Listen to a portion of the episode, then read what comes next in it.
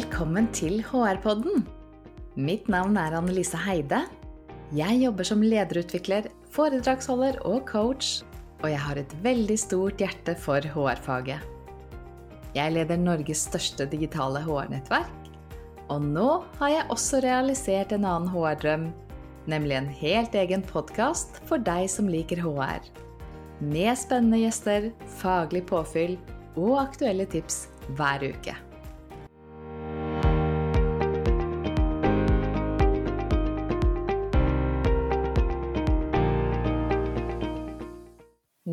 Er vi snart klare for å ta imot nye medlemmer i HR-nettverket til Leonda. Det skjer bare én gang i året, og hvis du har lyst til å være med i et kompetanserikt HR-fellesskap, så får du muligheten om bare noen få uker. Vi åpner for innmelding den første uken i januar, og stenger dørene den 10. januar 2023. Sjekk ut leonda.no for mer informasjon om nettverket. Og følg gjerne Leonda på LinkedIn for tips om våre gratis arrangementer nå i desember. Og du, nevnte jeg at nettverket er digitalt? Det betyr at vi har medlemmer fra hele landet, og at du kan få tid å møte opp selv i en hektisk hverdag. I ukens episode av HR-podden vil jeg starte med å fortelle om en HR-leder som står litt fast i rollen sin akkurat nå. La oss kalle henne Mina. For to år siden så fikk Mina jobb som HR-sjef i et mellomstort nordisk foretak. Og når hun søkte på denne jobben, eh, så ble stillingen beskrevet som en spennende strategisk HR-rolle med mulighet til å påvirke og gjøre en forskjell. Mina gikk inn i en nyopprettet stilling for å bygge opp HR-funksjonen her i Norge, og hun skulle rapportere til administrerende direktør eh, her i Norge, ble med i ledergruppen, og så ble hun også en del av et nordisk HR-team som ble ledet av HR i konsernselskapet i Danmark. Og Mina hun ble mottatt med åpne armer da hun startet i ny jobb. Alle var veldig inkluderende, og hun ble invitert inn i ulike arbeidsprosesser med en gang. Det var lett å se at hun kunne være til nytte i organisasjonen, og det var et godt sted å starte der hun kjente at her kan jeg virkelig gjøre en forskjell. Selskapet var i vekst, og hun ble enig med sin leder om at de skulle starte med å forbedre struktur på rekruttering og onboarding-prosessen, pluss at hun skulle lage en ny personalhåndbok. Og de ble enige om at Mina skulle ta ansvar for to nyansatte som skulle starte neste måned, og samtidig lage rutiner for onboarding. Noen få uker seinere ble det en ny rekrutteringsprosess som Mina tok ansvar for. Og så ble det en rekruttering til, og enda noen onboarding-prosesser. Og før hun visste ordet av det, så var hun fanget i rekruttering og onboarding-oppgaver store deler av arbeidstiden. Og hun fikk masse ros fra sin leder, og fra de andre lederne på hvor bra det var blitt, og hvor ryddig disse prosessene var nå og det føltes godt å kunne bidra med noe som alle andre syntes var så viktig. Så laget Mina rutiner for hva lederne skulle gjøre i onboarding-fasen, men hun la merke til at det var stor forskjell på hvor godt lederne fulgte opp, og hun gikk ofte inn og hjalp til hvis hun så noe mangla for en nyansatt. På den måten så ble hun også godt kjent med alle nyansatte, og de kom gjerne til henne når de hadde noen spørsmål. Og etter hvert som de andre i organisasjonen ble kjent med Mina, så dukket det stadig opp spørsmål om å bistå med smått og stort. Det var organisering av julebord, eh, innkjøp av julegaver, det var jubilanter som skulle feires, det var fredagsvaffel for å skape trivsel på kontoret. Man trengte en prosjektleder for å koordinere, koordinere ombygging av kontorlokalene og flytting i lokalene Det var en printer som skulle kjøpes inn, um, og noen måtte holde tak i et prosjekt med bytte av leverandør på lønn. Alt det her ble Mina sine oppgaver. Og som HR-folk flest, så er Mina et typisk ja-menneske. En sånn person som det er lett å be om hjelp, og som trives med å hjelpe andre. Så Mina hun var ganske raskt involvert i alt mellom himmel og jord. Og det var himla gøy, og det var himla mye. Og selv om oppgavene var fine, så ble det liksom aldri tid til å løfte blikket og jobbe mer strategisk. Det var også litt uklart hva som egentlig var forventa av henne, der hennes nærmeste leder sa én ting, HR i Danmark sa noe annet, og noen ganger så var informasjonen helt fraværende. Og etter ca. to år så følte Mina seg overvelda og frustrert. Da hun starta i selskapet, så eh, fikk hun definert tre strategiske utviklingsprosjekter som hun skulle ta fatt på så snart hun var ferdig med rekruttering og onboarding. Og to år senere så hadde hun ikke fått begynt på noen av de. Og hver uke så tenkte hun at neste uke så, så, skal, jeg, så skal jeg starte prosjekt X. Men så dukket det opp noe annet som hastet mer. Det var en tøff personalsak som endte i oppsigelse. Det var problemer med en leder som ikke fungerte, eh, der hun satt i mange samtaler med frustrerte ansatte. Så var det en personalsak til, og sånn går nå dagene. Under koronaperioden så ble det også på et tidspunkt nødvendig å sende ut permitteringsvarsler og vurdere oppsigelser. Og selv om det ordna seg og ingen ble sagt opp, så var det masse, masse jobb med den forberedende prosessen. Og under pandemien så tok Mine også et spesielt ansvar for de nyansatte. Og hun var alltid den som stilte opp på kontoret for å ta imot når de andre lederne jobbet hjemmefra. Og så var det alle disse her små tingene, de som hun følte var mer eller mindre usynlige. Som å skrive referat fra ledermøter, eller ulike trivselstiltak på kontoret. Og nå hadde hun akkurat vært i medarbeidersamtale med sin leder, som var kritisk til at sykefraværet i selskapet, som, som han mente måtte være HR sitt ansvar, det var gått opp den siste tiden. Og han lurte litt på hva Mina hadde tenkt å gjøre med det. Og han hadde også fått en klage fra Danmark på at HR ikke hadde fått implementert de HR-prosessene som de skulle gjort det siste året. Så akkurat nå så er Mina egentlig bare litt sliten, lei og frustrert fordi at denne rollen hadde ikke blitt sånn som hun hadde forventet. Hun følte seg nesten litt lurt. Det var ikke det hun hadde tenkt da hun først søkte på denne jobben. Så hva nå? Ukens episode handler om det å manøvrere godt i HR-rollen. Og det finnes selvsagt ikke ett riktig svar, fordi organisasjoner er forskjellige og har ulike behov. Men det finnes noen generelle tips som kanskje kan være til hjelp, og akkurat de skal vi komme inn på i dagens episode. Det som går igjen hos mange på HR, er denne følelsen av å kanskje drukne litt i små og store oppgaver i hverdagen. Eh, og en viss sånn utydelighet i forhold til egne ansvarsområder. Og noen ganger så handler det om en manglende forventningsavklaring og utydelige grenser mellom hva som er en lederoppgave, og hva som er HR sitt ansvar. Andre ganger så kan det handle om den her hjelpsomheten og det å stille opp for andre, men som bare ender opp med å bli altfor mye totalt sett.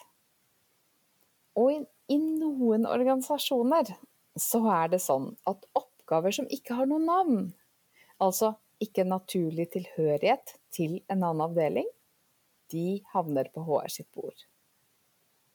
Er det noe her du kan kjenne igjen? Med utgangspunkt i denne her lille historien om Mina, så har jeg tenkt å gi tre helt konkrete tips til hvordan få bedre grep om HR-rollen. Og det skal handle om Én, hvordan gå inn i en ny HR-rolle eh, hvis du starter i en ny organisasjon. Og to, tips til praktisk organisering av HR-arbeidet. Og tre, rolleforståelse eh, og litt mer tydelighet i forhold til hva som er HR sine ansvarsområder i organisasjonen.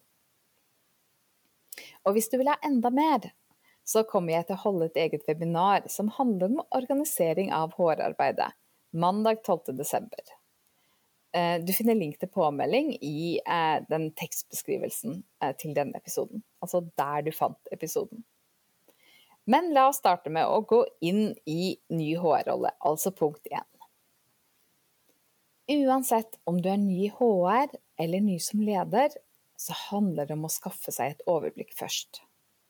Du må forstå hva som er lederne og medarbeidernes behov i din nye organisasjon. Bruk tid på å skygge arbeidsprosesser, bli kjent med verdikjeden, og forstå hva dere skal levere til hvem. Her handler det om å se den store sammenhengen og det handler om å forstå hva er det som fungerer godt i dag, og hva bør forbedres.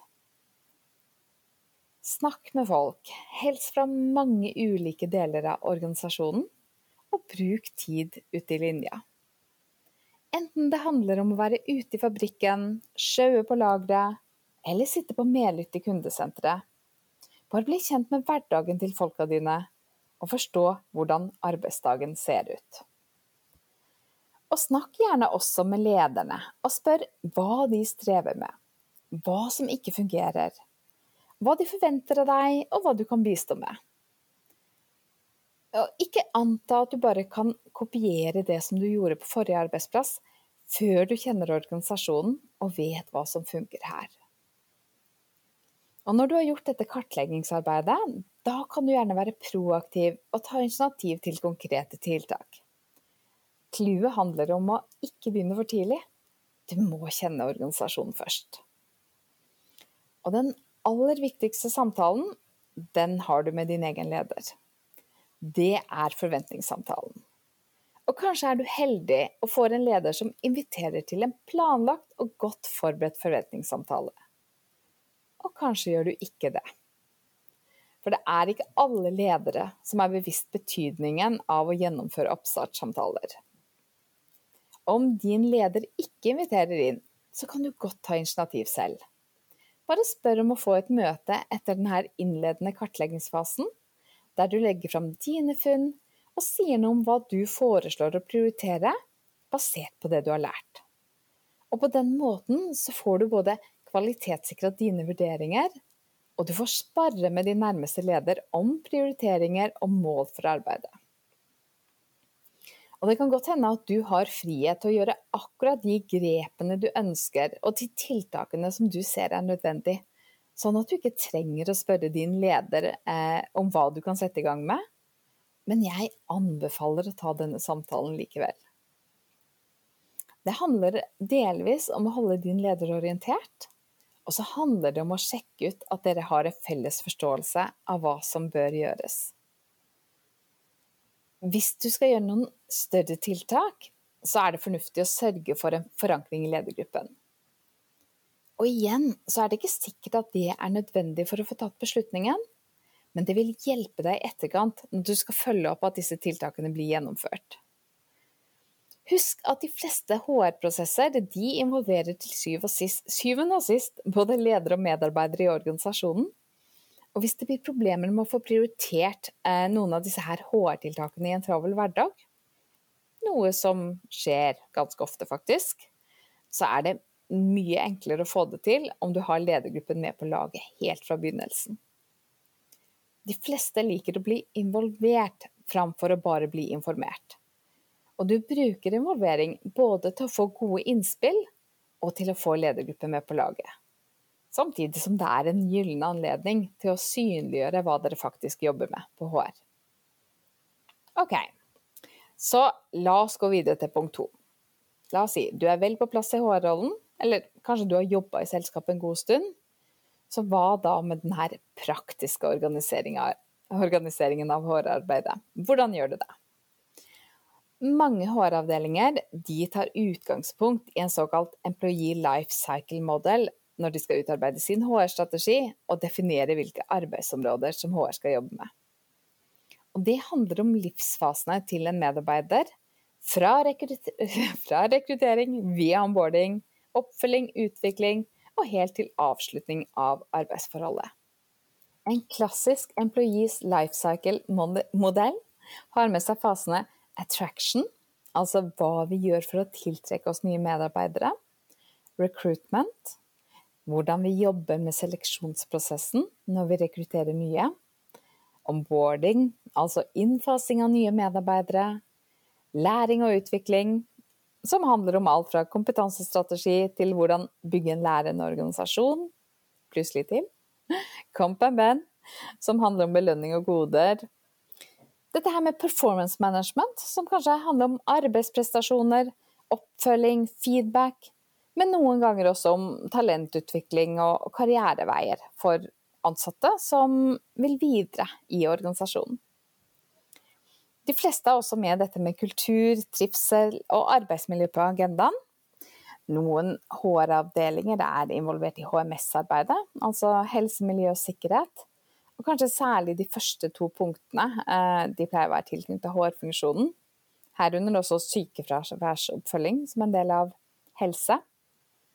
Og til slutt så har du dette her med exit, eh, altså prosesser for avslutning av arbeidsforhold. Hva som skal skje når noen slutter. Men det stopper jo ikke der. Dette livshjulet for organisasjonsansatte er et flott utgangspunkt, men hvis du jobber med organisasjonskultur, så er det mange tilhørende områder som også er viktige. Nå for tiden så har mangfold og inkludering kommet veldig høyt på agendaen hos mange virksomheter. Noen HR-avdelinger er involvert i bærekraftsarbeidet. Og du er kanskje også involvert i dette her med organisasjonsstruktur eh, og ledelse.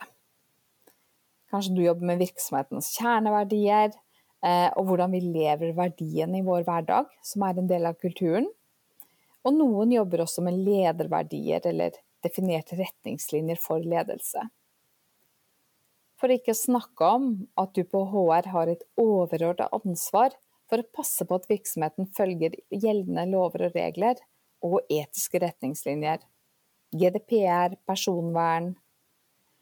Og til slutt, som en liten sånn icing on the cake, så kan vi legge til at uh, du sikkert jobber med HR Analytics, altså analyser og tall. Hvordan du kan bruke måltall og rapporter til å ta gode beslutninger. Og ikke minst HR-digitalisering. Eh, altså se på hvordan kan dere spare tid og ressurser gjennom å få teknologi som automatiserer manuelle arbeidsprosesser. Hvis du er ny på HR, så er det lett å bli overveldet. Og det er derfor jeg tenker det er så viktig å begynne med å bli kjent med organisasjonen. Du må se hvor skoen trykker, sånn at du er i stand til å prioritere på en god måte. Én ting av gangen. Og akkurat her så har jeg veldig lyst til å henvise tilbake til episode 14 om Eisenhower Priority Matrix, som kan være en veldig fin refleksjonsøvelse for deg som trenger å bli litt bedre på å prioritere i en hektisk hverdag. I Eisenhower Matrix så starter vi med å definere hva som er viktig. Hva er det som betyr noe for at vi skal nå virksomhetens mål? Og mange ganger så handler øvelsen om vår evne til å velge bort. Være edruelig i forhold til hva som er mulig å gjennomføre. Og da må du kjenne organisasjonen godt for å ta disse beslutningene. Husk at det også må være tid til såkalte adhoc-oppgaver.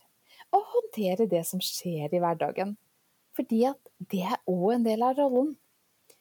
Så du kan jo ikke velge bort en personalsak, eller velge bort en leder som trenger din hjelp. Men du kan velge å sette av noe tid til disse adhoc-oppgavene. Det som bare skjer i hverdagen. Så du unngår at de kommer på toppen av en allerede overfylt kalender. Og når du har laga en handlingsplan og valgt ut hva det er viktigst å jobbe med, så kan det være lurt å lage en form for HR-årshjul for å få en god struktur på løpende HR-oppgaver ikke minst for å kunne gi en god oversikt til lederne i organisasjonen. Og et HR-årshjul det er egentlig ikke noe annet enn en kalender med HR- og lederoppgaver gjennom året. Det kan være alt fra kickoff og julebord til når det skal være medarbeidersamtaler, eller når det passer å legge inn en medarbeiderundersøkelse, eller såkalte pulsmålinger, eh, og oppfølging fra dette. Når er det budsjettprosess i deres organisasjon? Når er det ledermøter? Er det noen faste kurs som går igjen hvert år? Kanskje dere har noen kultursamlinger gjennom året? Eller at dere har onboarding-dager med nyansatte? Så alt som gjennomføres årlig, kvartalsvis eller månedlig, det fortjener å komme inn i en sånn kalender. Og gjerne sammen med ledersamlinger eller andre ting som involverer mange i selskapet. Det handler ganske enkelt om å lage en plan og sikre at det ikke er for mange ting som kommer oppå hverandre, eller veldig tett på hverandre. Husk å involvere lederen i denne planprosessen, og gjerne også i prioriteringsprosessen, og vær åpen for evaluering og justeringer underveis. HR fungerer best i samspill med andre, og når vi ser helhetlig på organisasjonsbehov. Ok, det var kanskje egentlig litt om rolleforståelse, men helt til slutt punkt tre, som handler om å rydde litt opp i hva er det som er lederens ansvar, hva er HR sitt ansvar. Og som HR-leder så er du jo helt sikkert kjent med alle disse her viktigste HR-prosessene som vi snakket om under del to. Og mange av de, det utføres i praksis av lederne i organisasjonen. Og denne rolleavklaringen mellom HR og ledere, den kan ofte være litt utydelig, og så kan det variere stort fra én virksomhet til en annen. Så hvis du jobber i en organisasjon som ikke har dette helt på plass, eh, så kan det med å tydeliggjøre ledernes rolle være et godt sted å starte. Og det er en tydelighet som kan være nyttig både for HR og lederne. En klassisk utfordring for oss på HR eh, kan være vår tendens til å tenke at andre vet og forstår det samme som oss. Og det som du jobber med i HR-funksjonen, det er jo top of mind for deg. Det er din hverdag. Mens en linjeleder har fokus på helt andre arbeidsoppgaver, og vil ikke nødvendigvis gå rundt og huske på alle disse HR-rutinene. Så hvis du rekrutterer nye én gang i året som linjeleder, så har du naturlig nok mindre kompetanse på rekruttering enn om du gjør det hver måned. Og om du har fått presentert rutiner for medarbeidersamtalen én gang eller to ganger, så er det mye vanskeligere å huske greia enn om du sitter på HR og utvikler disse rutinene selv. Så ikke anta at lederne vet, eller at de burde vite. Bare gjør informasjon tilgjengelig, og vær behjelpelig med påminnelser når det trengs. Og apropos påminnelser, helt til slutt er det én ting til som jeg har lyst til å minne om. Vær bevisst på hva som er din jobb, og hva som eventuelt ikke hører til i HR-avdelingen. Jeg hører så mange på HR som sier at de føler seg litt som en potet og jobber med alt mulig, ofte ting som er langt vekk fra HR sitt egentlige oppdrag i organisasjonen. Akkurat det betyr jo ikke at du ikke skal brette opp armene og hjelpe til med ting som må gjøres i organisasjonen, men pass på at ikke du bruker opp tiden din på såkalte non promotable tasks. En non-promotable task er den type oppgave som ikke fremmer din karriere, og som kanskje ikke blir sett av noen andre i organisasjonen. Ting som du blir spurt om å gjøre uten at det egentlig er din jobb. Boken The No Club Putting a Stop to Women's Dead End Work fra mai 2022 handler om nettopp disse oppgavene. Oppgaver som er mer eller mindre usynlige for alle andre, oppgaver som spiser tid, og som kanskje til og med går utover den jobben du egentlig skal gjøre, uten at det nødvendigvis gjør deg noe bedre i jobben din. Og Harvard Business Review-artikkelen Are you taking on too many non-promotable tasks? handler om akkurat det samme. Du, jeg legger en link til denne um, artikkelen i episodebeskrivelsen for deg som har lyst til å lære litt mer om dette. Og jeg nevner bare boken og artikkelen her fordi jeg syns å kjenne igjen den tendensen fra mange på HR. De tingene som bare havner på HR sitt bord fordi ingen andre tok dem. Eller fordi at du kjente at jeg burde jo ta ansvar for det, noen må fikse det. Så pass på tiden din, og pass på at du ikke gjør oppgaver som går utover det som du egentlig skulle gjort. Det som gjør mest forskjell for organisasjonsresultater. Historien om Mina som jeg startet med, den er fiktiv. Den er satt sammen av utallige historier jeg har hørt fra HR-ledere og medarbeidere i ulike organisasjoner. Alt er sant, men alt hører ikke hjemme i samme historie. Så det finnes ingen Mina, men det finnes en hel rekke historier som ligner litt. Og kanskje var det noe her som du også kan kjenne deg igjen i. Så hvis du føler at du sliter med å få tid til strategisk HR, og hvis du er litt nysgjerrig på hva som er de fem vanligste fallgruvene, eller hvis du er nysgjerrig på hva som er de viktigste kompetansene i HR-rollen, så inviterer jeg til webinar om organisering av HR-funksjon mandag 12.12. klokken 12. Da skal vi fordype oss i noen områder som jeg ikke rakk å snakke om i denne episoden, og det blir rom for dialog og spørsmål. Du finner link til påmelding i episodebeskrivelse, så kanskje ses vi snart. Lykke til med HR-arbeidet.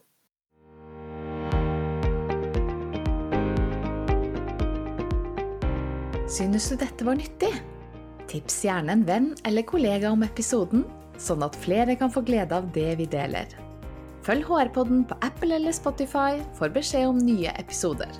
Eller bli med i den gratis nettverksgruppen Digitalt HR-fellesskap på LinkedIn for tips om neste episode. Vi høres!